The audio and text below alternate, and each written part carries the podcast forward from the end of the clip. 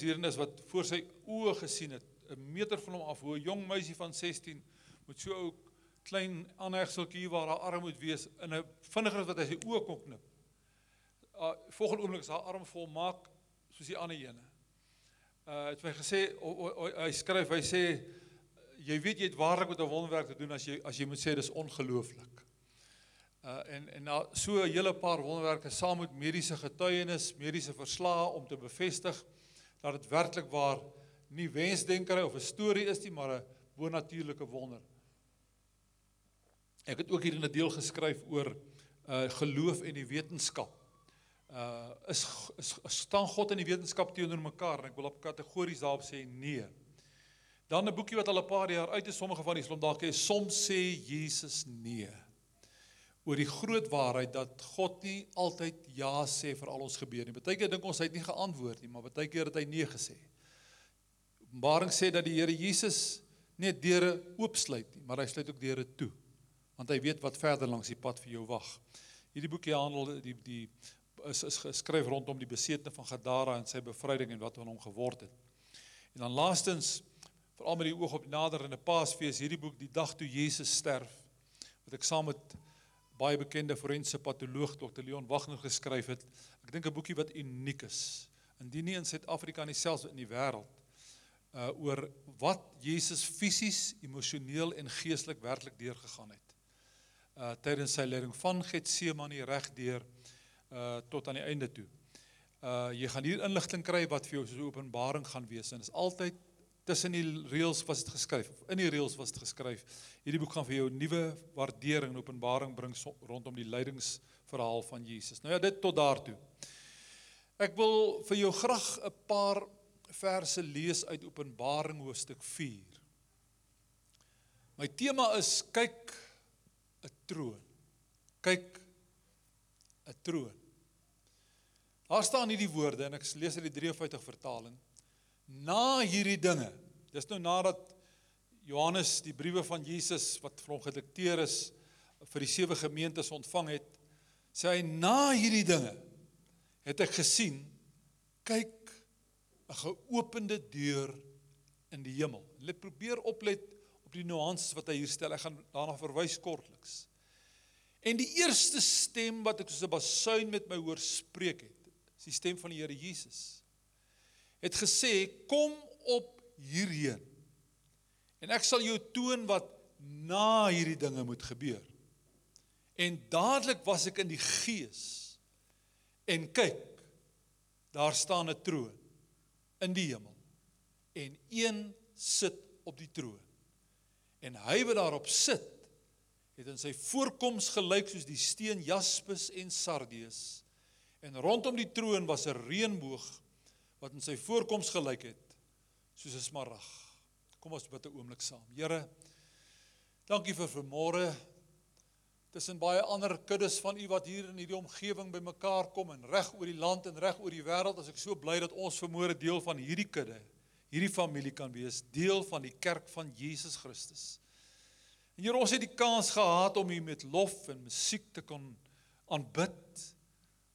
Maar nou dank ek u vir u woord en ek wil so in ootmoed voor u en voor die gemeente staan en sê Here Jesus, gee vir my net genade en die nodige opening van hart en verstand en die salwing van die Heilige Gees om te probeer oordra wat Johannes gesien het. En wat dit vir ons hier en nou vandag beteken of kan beteken. Tot u verheerliking bid ek dit. In Jesus naam. Amen.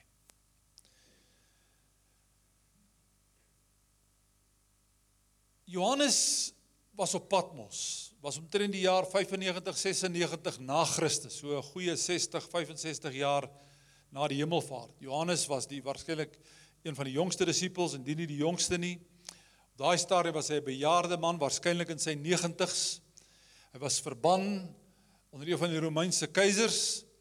Maar daar op Patmos het hy 'n besondere ervaring met die Here gehad.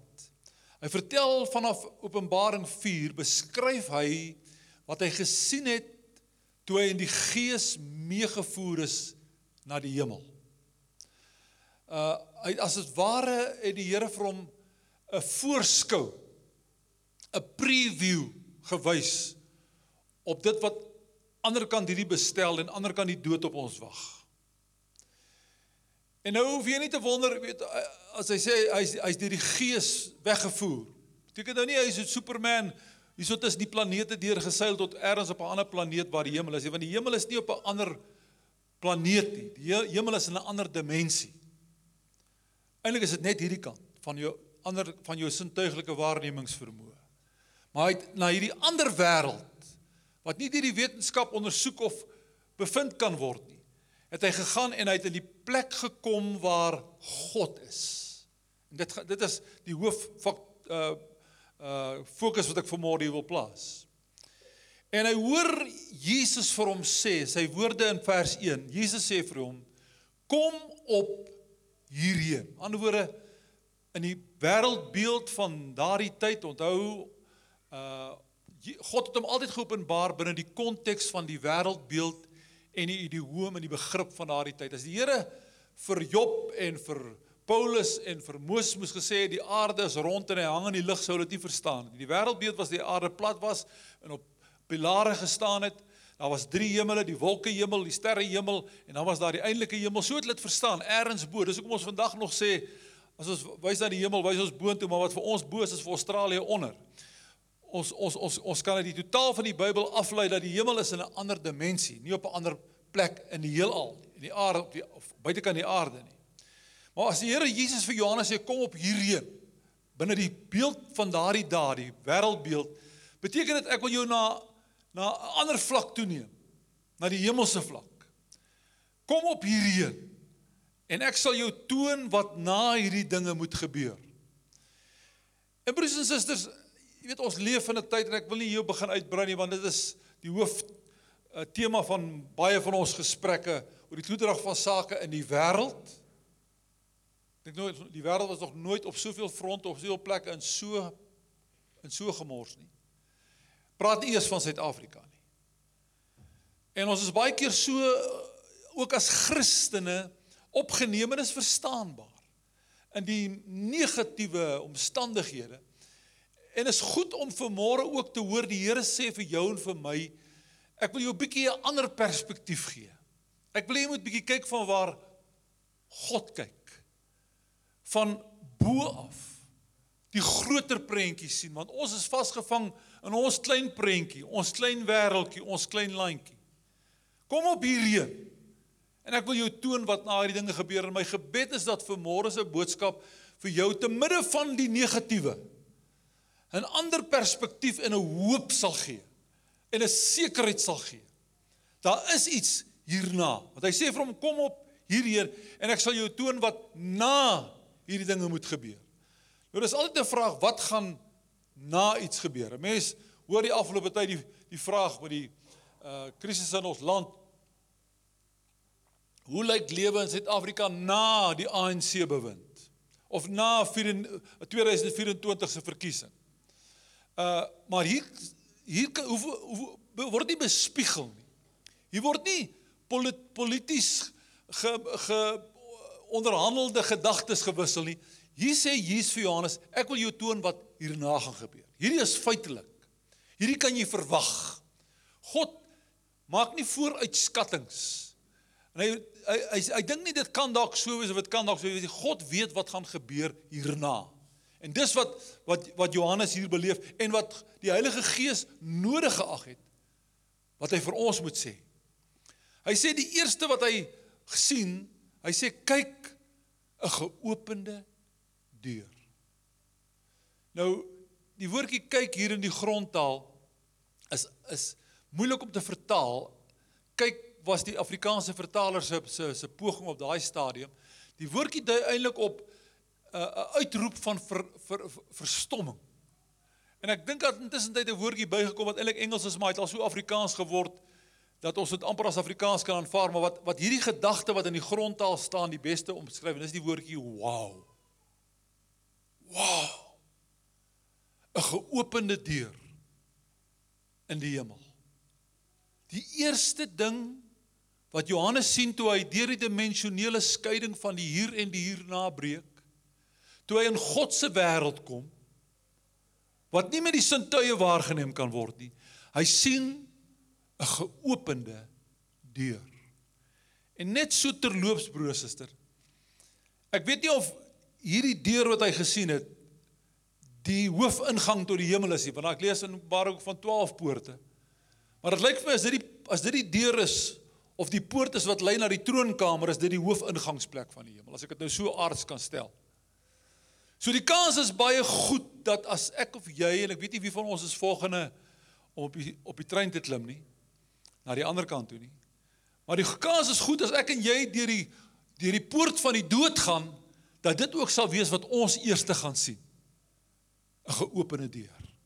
En ek kan my beswaarlik 'n meer welkome toneel voorstel na die dood as die hemelse deur wat geopen is.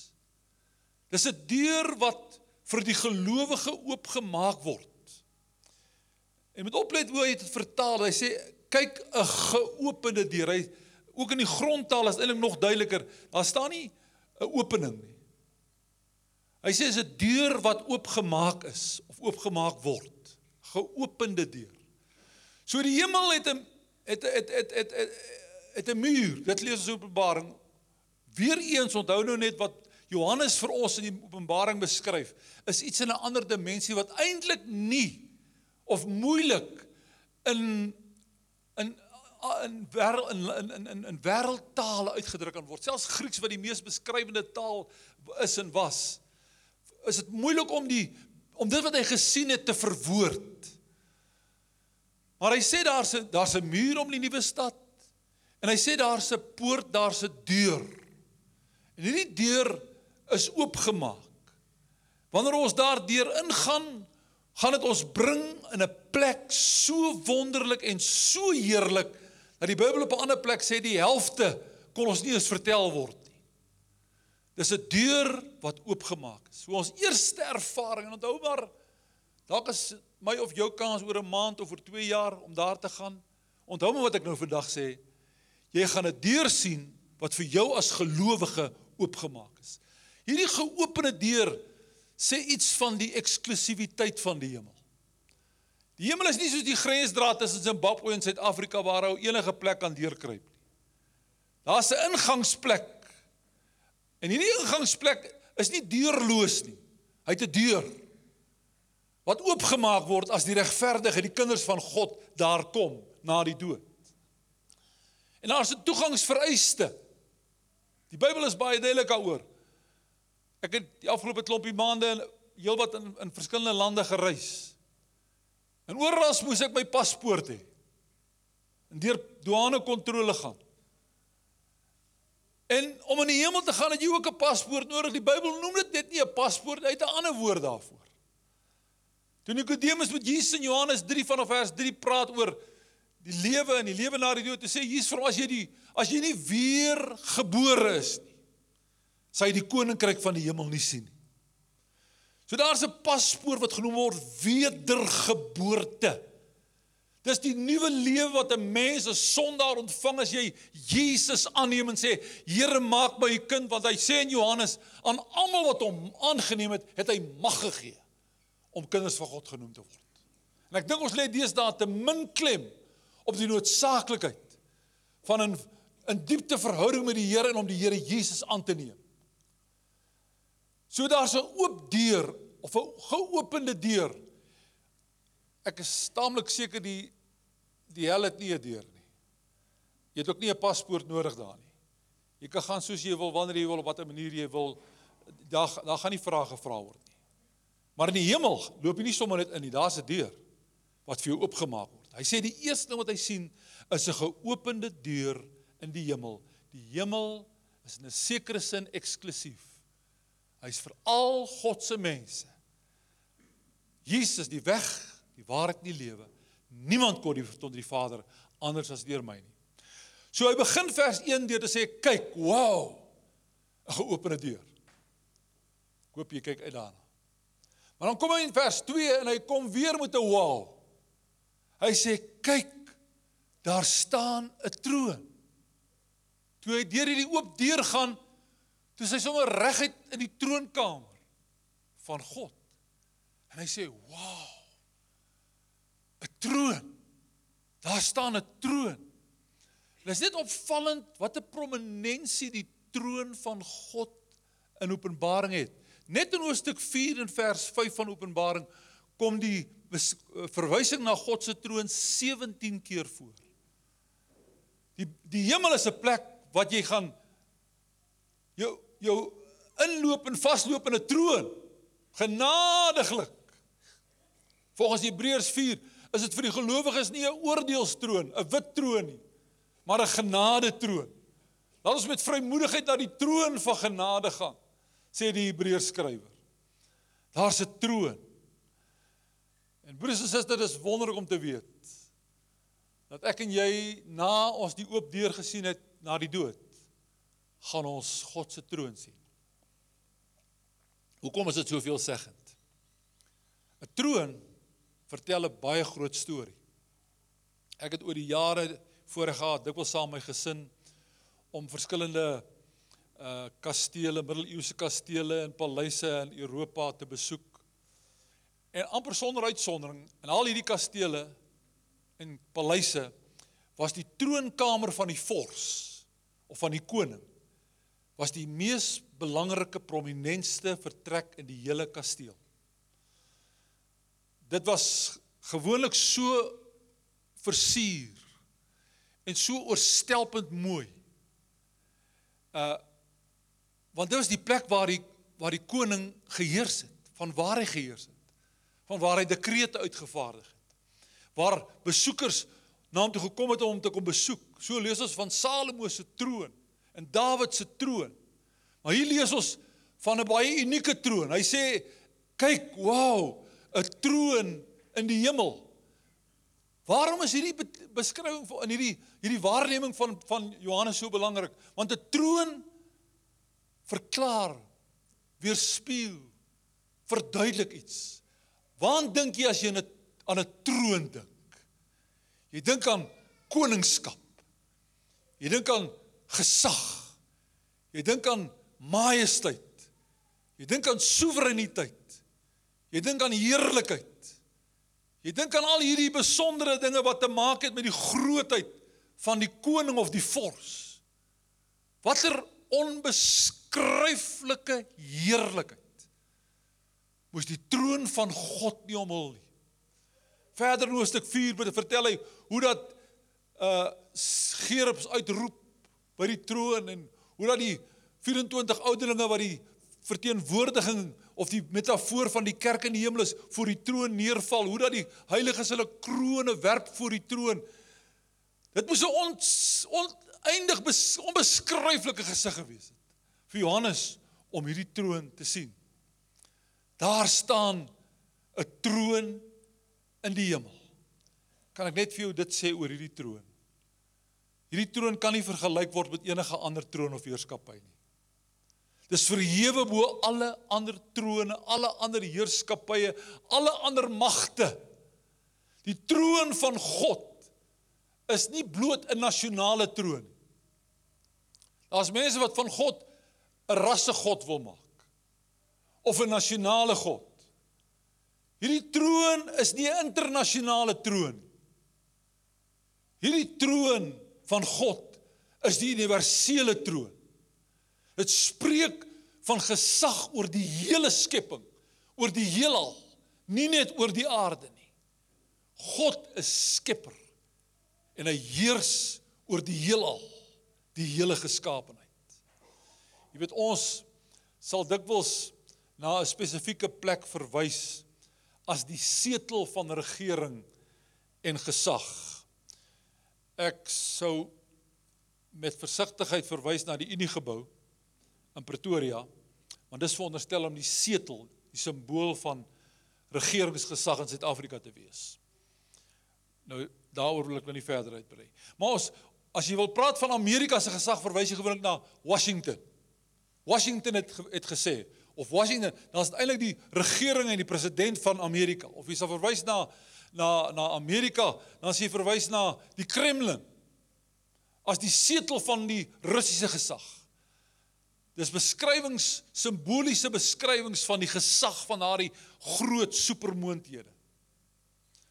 Wat Johannes hier sien in die hemel en wat ek en jy glo ek ook gaan sien na ons dood is die setel, die sentrum van gesag oor die heelal. Dis die plek waarvandaan God regeer. Die troon van God is die setel, die senter van die univers. God se troonkamer. Ek wil net 'n oomblik hier net hieroor dink. As die troon in die troonkamer en God daar is, soos ons later lees, dui dit op die fokuspunt, die sentrumpunt waar God is.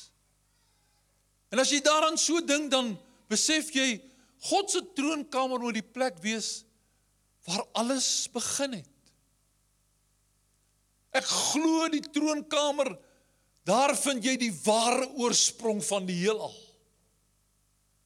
Sommige wetenskaplikes vir wie darwinisme as dit ware godsdiens geword het, spekuleer steeds daaroor en ek ja, ek weet nie wat ek met my emosie beskryf as ek nou hoor van hierdie ateïstiese wetenskaplikes wat nou oor die absolute evolusie teorie probeer verduidelik en hoe hulle almal vashak by die Big Bang en hulle kan tot daar kom maar wat voor dit? Wat was daar voor die Big Bang? Nou ek wil nooit begin argumenteer oor hoe God geskaap het en hoe lank dit geduur het en hoe lank terug dit was nie. Daar's jou ortodokse kreasioniste wat sê die aarde is nou 7000 jaar oud. Ek wil nie ek wil nie by daai soort van besprekings betrokke raak nie. Ek weet nie hoe lank God geskaap het. Daar's nou nog as nou nog nuwe sterre wat gevorm word. Al wat ek weet is God is die begin van alles. Of daar 'n Big Bang was of nie is nie vir my die belangrikste nie. Voor alles was daar net God. En hy het gespreek en uit niks het hy iets gemaak. En dit het begin waar hy gesetel is in sy troonkamer. Daar het alles begin. As jy in God glo, hoef jy nie kop te krap oor wat gebeur het voor die Big Bang as daar 'n Big Bang was nie. Hierdie skrif sê vir ons duidelik waar alles begin het. Vriende, die univers is teosentries. Dit het by God begin. In hierdie troonkamer begin. Ja, onbeskryflike eeue gelede was daar volgens Jesaja 14 en Jesegiel 28 'n poging tot 'n staatsgreep. Jy kan gaan lees daarvan. Hoe Lucifer probeer het om homself te verhef en die troon van God oor te neem. Hy het sleg bloedneus gekry, hy is uit die hemel uit gewerp.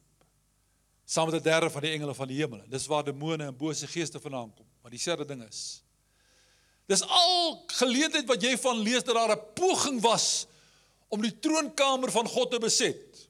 Laat my nou dink aan vir voor verlede week se donderdag aand gebeure daar by die parlement in in die Kaapstad toe ouens met rooi overalls ook probeer het om die om die troonkamer te beset daarvoor wat die president is. Lucifer het eenmaal probeer. Hy sal dit nooit weer probeer nie. Hy sal nie kan nie. Was onsuksesvol. Die troonkamer van God, die troon van God kan nie beset word nie. Daar was nog nooit was dit nog nodig vir God om sy troon te verskuif nie. Of om dit op te gradeer nie. As Johannes sê, "Wow, 'n troon," sê dit vir my God is in beheer. Ongeag wat nou in ons klein wêreld gebeur. En ek wil net vir vir môre vat broers, want jy kry kort kort is daar een of ander evangelis of profeet of skrywer of iets wat oorboord gaan moet uh een of ander samesweringsteorie. In die verlede was dit dan was dit die dan was dit die vrymesselaars en dan was dit die Illuminati en dan was dit die sataniste. En ons ja, dalk het julle ook die WhatsApp gekry het klompie jare gelede. Dit kom nou skiet my nou te binne die WhatsApp wat ons gekry het wat soos 'n veldbrand gehardloop het. Terwyl in Pretoria in elk geval. Waar daar staan van een of ander besorgde Christen Christen, julle moet asseblief ernstig bid Daar's vanaand 200 sataniste wat in Pretoria bymekaar gaan kom te bid vir die verbrokking van Christelike huwelike. En Christene is is is is so op hulle senuwees want 200 sataniste gaan saam bid. Vriende. Die Here het nooit die duiwel daar gestel as as 'n gogga wat vir baba moet bang maak nie. Die kerk en die gelowiges is nie die bedreigde spesies nie. Satan en sy magte is die bedreigde spesies. Openbaring 12 sê hy weet dat sy tyd min is. En waar kan 'n kan die kerk waar kan een gelowige op op loop gejaag word en op hoop oor oor hoops gejaag word met 200 sataniste 2002 miljoen maak nie saak hoeveel van hulle is nie Johannes sê hy wat in jou is is groter as hy wat in die wêreld is En moet jy asseblief laat meesleer deur een of ander uh, samesweringsteorie nie Wie laaste gaan praat in hierdie wêreld is nie die Illuminati nie is nie die sataniste nie is is nie die vrymesselaars nie, is ook nie die anti-kris nie. Wie laaste gaan praat, wie die punt gaan sit aan die einde, wie die streep gaan trek, is God almagtig. Sy troon is onaantastbaar. Hoor wat sê die Here in in Psalm 2 vers uh 1 en 2 uh oor oor oor oor hierdie bangheid van gelowiges oor sameswerings. Hy sê: "Hoekom gaan die nasie so te kere?" en bedink die volke nuttelose planne. Die konings van die aarde het saam gesweer. Die heersers span span saam teen die Here en sy gesalfde. Ou Testament se verwysing na Jesus. Maar hy wat vanuit die hemel heers lag oor hulle. Die Here spot met hulle. Hoor wat sê hy? Hy wat in die hemel heers Daar's 'n troon wat daar was toe Adam en Eva geskaap is. Daar was 'n troon toe Dawid sy Psalm geskryf het. Daardie troon is vermore nog hier. Ongeag korrupsie en Eskom beerdkrag, God is op die troon. En die meeste van die goed wat tans in die wêreld gebeur, kan jy maar gaan kyk in, in Matteus en in Lukas en in 2 Timoteus 3, is dinge wat God voorspel het gaan gebeur. Dis die stuiptrekkings van hierdie wêreld, sy laaste stuiptrekkings voor die geboorte van die nuwe seisoen, God se ewige seisoen. Niks en niemand kan die beheer en uiteindelike uitkoms van hierdie skepping van God uit sy hand uitneem nie. Daarom kan ek en jy met nuwe waardering na Johannes 14 vers 1 luister. As Jesus sê, laat jou hart nie ontstel word nie. Glo in God. Glo ook in my. Kom op hierheen. Ek wil jou wys wat na hierdie dinge gaan gebeur. Daar's 'n troon. Wow! Kyk hierna en besef jou God is in beheer. En as dinge skeefloop, beteken dit nie God het beheer verloor nie. Dinge moet skeefloop. Dinge gaan na 'n punt toe kom voor die basuin gaan weer klink. En die aardsengelse stem gehoor gaan word en Jesus gaan terugkeer. Dit wat Johannes op Patmos in die in sy voorskou van die hemel gesien het. Het hy probeer om in aardse taal en begrip en idioom weer te gee, maar dis haas onmoontlik. Sy eerste blik op God se troonkamer moes so oorweldigend gewees het. Hy het 'n troonkamer gesien en 'n troon gesien. Nou wil ek by die laaste punt kom. Hy sê, "Wow, kyk 'n troon." En een wat daarop sit. Neem kennis. God se troon is nie leeg nie. Hy's nie vakant nie. Al die paleise en kastele wat ek oor die jare besoek het in in Europa. Al daai ou paleise, middeleeuse paleise, ou kastele. Se troonkamer, die troon staan nog daar, maar hy's leeg. Daar's nie meer 'n koning nie. Daar's nie meer 'n vors nie. Daar's geen land se vors en vorstendom wat vir altyd aanhou nie. Romeine het gekom en gegaan, Grieke het gekom en gegaan, Persië het gekom en gegaan. Maar hier is 'n troon en die Bybel sê een wat daarop sit. Troos jou hart. Jou en my God hoef nooit af te tree nie. Hy het nie nodig om te abdikeer nie. Want hy het nie 'n voorganger gehad nie. Hy het ook nie 'n opvolger nie. Dis hoekom hy God genoem word. En hy's nie God omdat daar ergens 'n internasionale demokratiese verkiesing plaasgevind het. en die mense van hierdie wêreld gestem het vir God as God nie. Hy soek nie God omdat ek en jy as gelowiges bid nie. Hy's God omdat hy God is, die enigste wat daar is. Hy was daar voor daar 'n skepping was, voor daar engele was, voor daar mense was, voor daar 'n heelal was, was God daar. En hy word nie oud nie. Hy tree nie af nie. Hy hoef nie 'n opvolger voor te berei nie. Drie ene God is almagtig en beheer van ewigheid tot ewigheid. Let op dat Johannes nie in staat is en dis vir my iets wat ons wat ons miskyk. Hy hy sien iemand sit op die troon. Maar al wat hy oor hom kan sê is hy sê een sit op die troon. Hy hy kan hom nie beskryf nie. God die Vader aan wie se regterhand Jesus is. Maar God self die Vader kan nie beskryf word. Daar's geen woorde in enige taal, geen beeld of begrip om aan hierdie gesig reg te laat geskied nie. Want God is uniek. Hy's enig in sy soort. Hy's so glansryk dat hy nie met menslike voorstellings beskryf kan word nie. Openbaring 1 vers 14, dis my nogal iets om aan te dink. Jy weet in Openbaring 1 het Johannes mos weer vir Jesus gesien. Hy Jesus het aan hom verskyn op Patmos. Nou wat Jesus 65 jaar van tevore gesien daar in die bofortrek, toe was hy nogal so ewe familier met sy kop op Jesus se bors gelê. Onthou jy dit? Hy gevra het, Here, wie is dit wat jy gaan verraai? En tussen dit 65 jaar verloop. En toe hy Jesus weer sien, sien hy die verheerlikte Jesus. En dan vertel Openbaring 1 vanaf vers 14 vir ons. Hy sê dinge soos dit. Hy sê hy het so 'n dooie op die grond geval. Maar tog ten spyte van hierdie geweldigheid was hy nog in staat om hierdie hemelse openbaring van Jesus te beskryf. Hy praat vir hom. Hy sê sy hoof en hare was wit soos wol. Onthou weer eens is aardse onvolkomme beskrywings van die verheerlikte Jesus.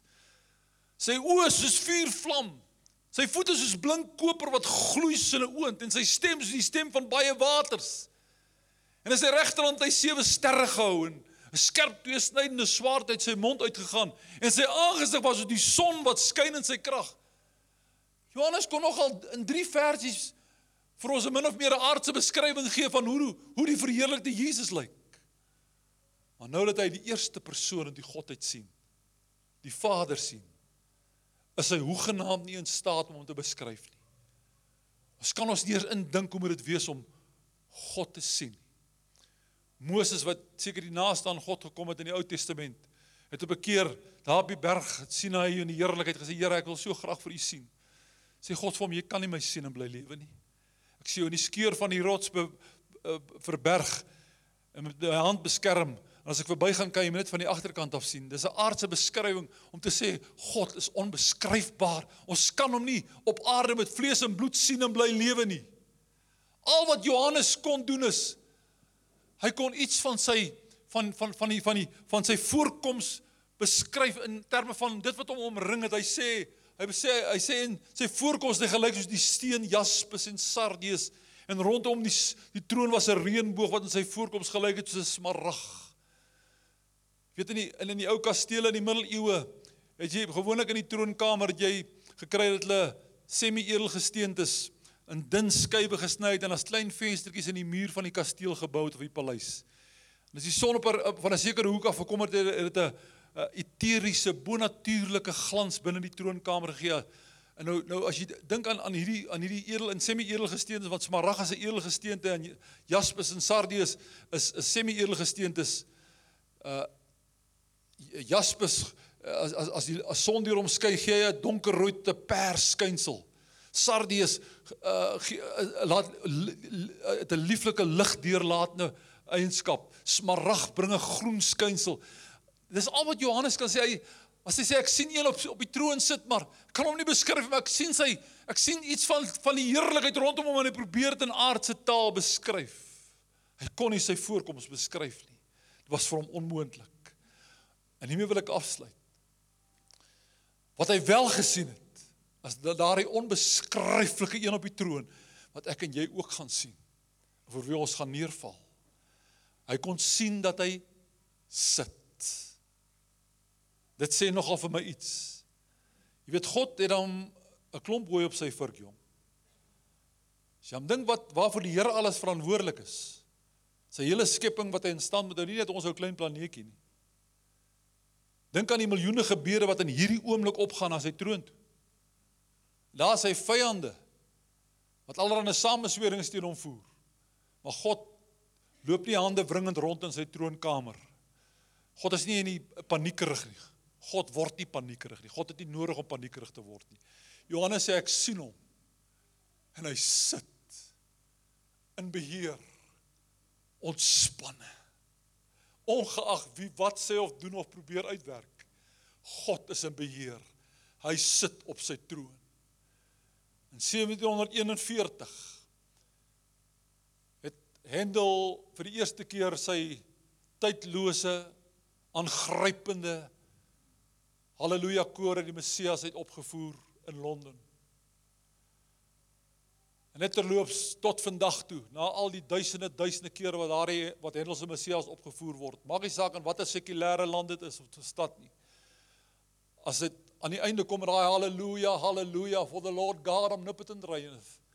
Dan staan die skare op al is hulle nie Christene nie. En met daardie eerste opvoering in 19 ag in 1741 na die tyd toe kom 'n 'n vriend wat ook in die, in in dieselfde bedryf staan toe sê hy vir hom Hendel Waar het jy hierdie hierdie magnifieke melodie en woorde vandaan gekry? Hierdie onbeskryflike woorde for the Lord God omnipotent reigneth. And he shall reign forever and ever.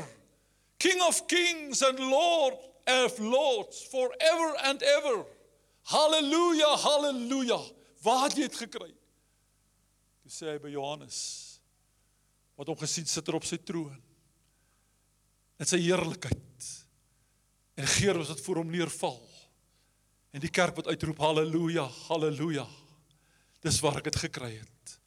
En ek wil vanmôre vir jou sê my broer en suster, te midde van alles, jou eie persoonlike omstandighede, ons mense, ons landsomstandighede, die wêreldsomstandighede, dis nie die einde van die storie nie. Jou dood is nie die einde van die storie nie. God sit op die troon. Wow. Wow. Kom op hierheen. En ek wil jou wys wat hierna gaan gebeur. Kom ons buig 'n oomblik ons hoofde in gebed. Here, ek het amper ook nie woorde meer nie. Ek kan oor hierdie dinge praat, ek kan dit probeer uitlê en verduidelik. Maar Here, as ek in my geestesoog myself probeer sien waar Johannes hom gesien het. Weggevoer in hierdie ander wêreld, God se geesteswêreld. Waar God se woonplek is, want dis wat die hemel is. Die hemel is God se huis waarin ons genooi word waar daar baie plek is. En ek dink daaraan wat hy gesien en dan kan ek verstaan dat sy asem weggeslaan is. Dat hy nie kan beskryf nie. Want u woon in ontoeganklike lig, o Here. U is God. En hoe onbeskryflik om te kan aanneem dat U my God is. Dat ek en my broers en susters vermoere kan sê soos Thomas in die bofortrek, my Here en my God. Here, U troon reis uit bokant al ons omstandighede. En U sit vermôre op die troon en U se beheer, Here. En hierdie wêreld is besig om sy loop te neem na die eindpunt waar U die punt sal sit. En ons kan weet, Here, in lewe of in sterwe. Niks kan ons skei van God en sy liefde en sy teenwoordigheid nie. En Here, as die wederkoms plaasvind voor my dood, maak nie saak wat er in eerste kom nie. Kyk, 'n geopende deur. Wow! 'n troon in die hemel en een wat daarop sit wat in sy voorkoms onbeskryflik is een wat in beheer is een wat ewig daar is een wat nie opgevolg gaan word nie my God Johannes se God Dawid se God Abraham se God die een en enigste van sy soort in 'n klas van sy eie Dankie ons dit kan glo en kan bely vanmôre. En ek wonder broers, is dit terwyl ons hier saam is? Kan ons net vir 'n paar oomblikke As jy wil probeer uiting gee, wat ek weet is baie moeilik om regtig regte hand laat geskied. Maar as jy voel jy wil opstaan voor hierdie God en jy wil jou hande opsteek as dit eer betoon en 'n belydenis van geloof en vertroue in God, ek jy moet saam met my staan en vir 'n wyle kom ons aanbid en eer hierdie almagtige God in hierdie kerk in die saal vanmôre. Kom ons doen dit staan op. Steek jou hande op en kom ons aanbid hom. Jy kan maar hoorbaar die Here aanbid. Sê vir hom dankie dat jy kan weet hy's jou God al voel jy so onwaardig. Al is jy 'n ge gebroke mens, al faal jy, as jy hom aangeneem het as jy deel van sy familie. En dis die koers, dis die pad wat jy gaan loop na jou dood. 'n Deur wat oopgemaak is vir jou. En 'n troon en een wat daarop sit. Halleluja, halleluja, halleluja. Halleluja. O, oh, halleluja. Ek kan bid, Here. Ek kan bid, o Here. Here woorde is te min. Woorde skiet te kort.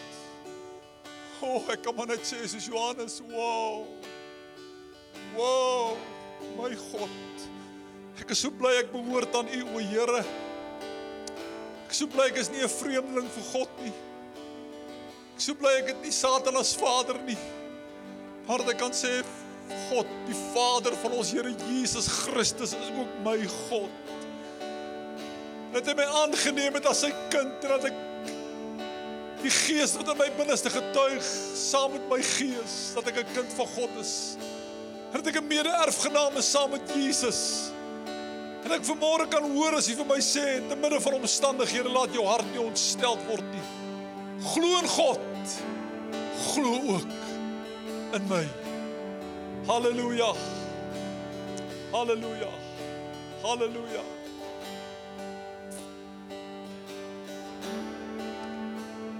Net terwyl ons so 'n gebed verkeer, kan miskien net as kan jy net vir asseblief vir 'n paar oomblikke almal net die oë sluit. Ek wil hê jy moet rondkyk nie.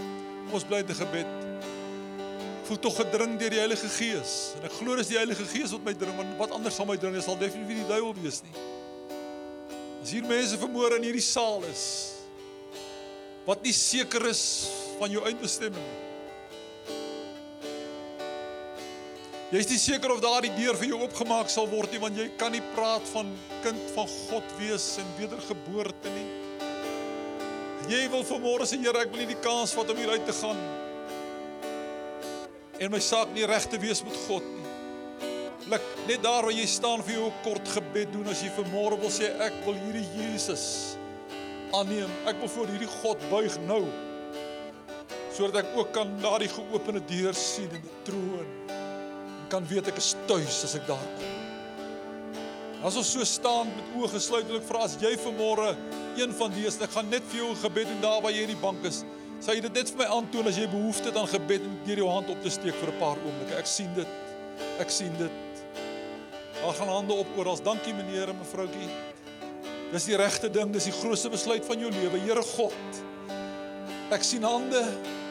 Ek sien harte. Ek sien meer as wat ek kan sien, Here. Ek sien mense wat wat wil sê ek wil dit nie mis nie. Ek wil dit nie mis nie. Ek wil ook daardie woord eendag oor my lippe laat gaan as ek deur die grens van die dood breek. Wow! 'n geopende deur en 'n troon. My Vader wat sit as regter van die heelal. En ek wil bid dat elkeen wat vanmôre ja sê vir God vir hierdie uitnodiging wat ja sê vir die hemel.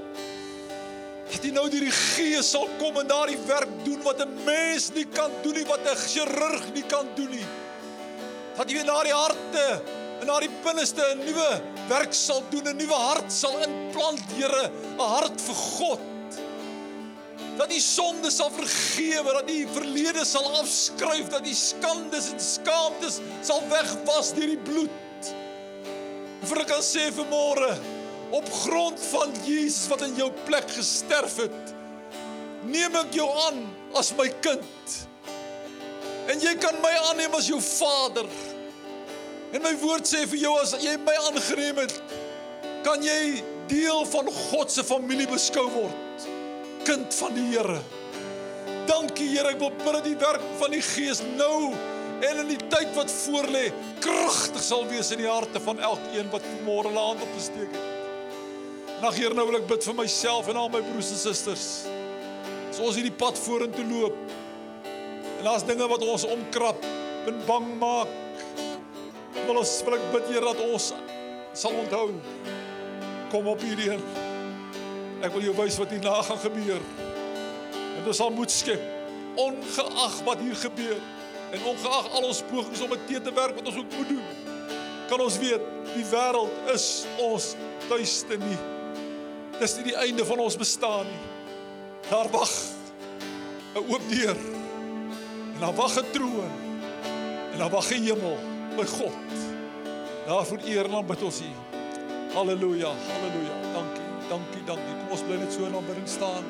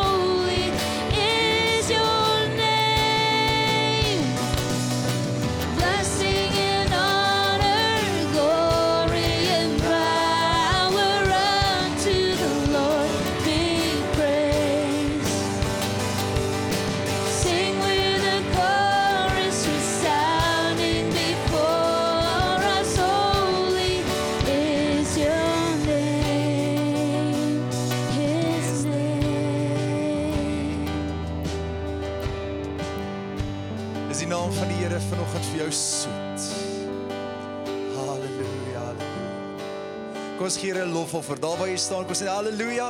Here, ons eer U vanoggend vir U woord. Ons eer U vir U waarheid. Waar is die Here? Hy is op die troon. Ek wil U graag uitnooi na afloop van die diens om daar agter by die tafel 'n draai te maak. Daar's ongelooflike hulpbronne. Ek weet van ons gemeentelede het ook al pas van pastoor en dokter Isak Burger se boeke gekoop in tye van moeilikheid. Hulle geweet het wat om te doen met die dood nie nie seker is wat om te doen met die lewe nie. wil jou uitdaag na afloop van die diens. Ondersteun asseblief agter. Dokter Isak, dit is ons 'n groot groot voorreg. Kom ons gee hom net 'n lekker handeklap van waardering. Baie baie dankie. Baie baie dankie. Ons gaan dan afsluit met een lekker lied nog. Ek wil jou uitdaag, sing uit jou bors, volle bors saam. Ons gaan ook geleentheid gee as jy wil seën in die koninkryk van die Here met die tieners en offergawes, kan jy so maak. En dan na afloop van die diens, moenie huis toe jaag nie. Kuier eers 'n bietjie, leef iemand raak, kry bietjie van daai liefde by jou boetie en jou sussie voordat jy huis toe gaan vanoggend. Halleluja.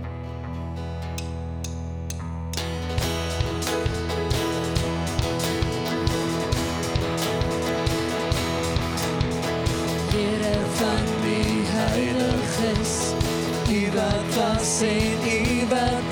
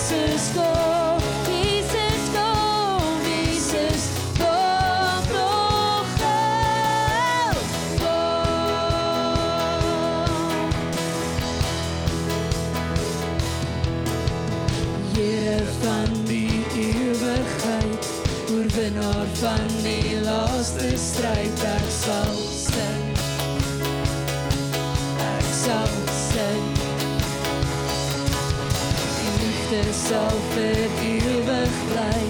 Die dag sal kom, die nag verdwyn, ek sal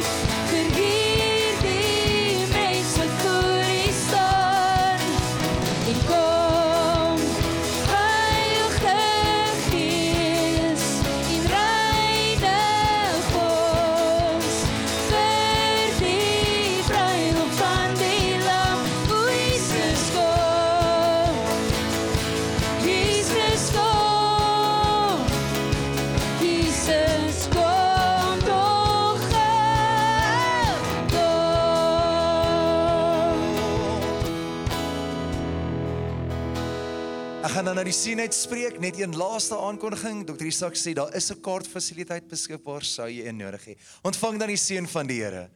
Mag die genade van God, die liefde van Jesus en die troostvolle gemeenskap van die Heilige Gees met elkeen wees.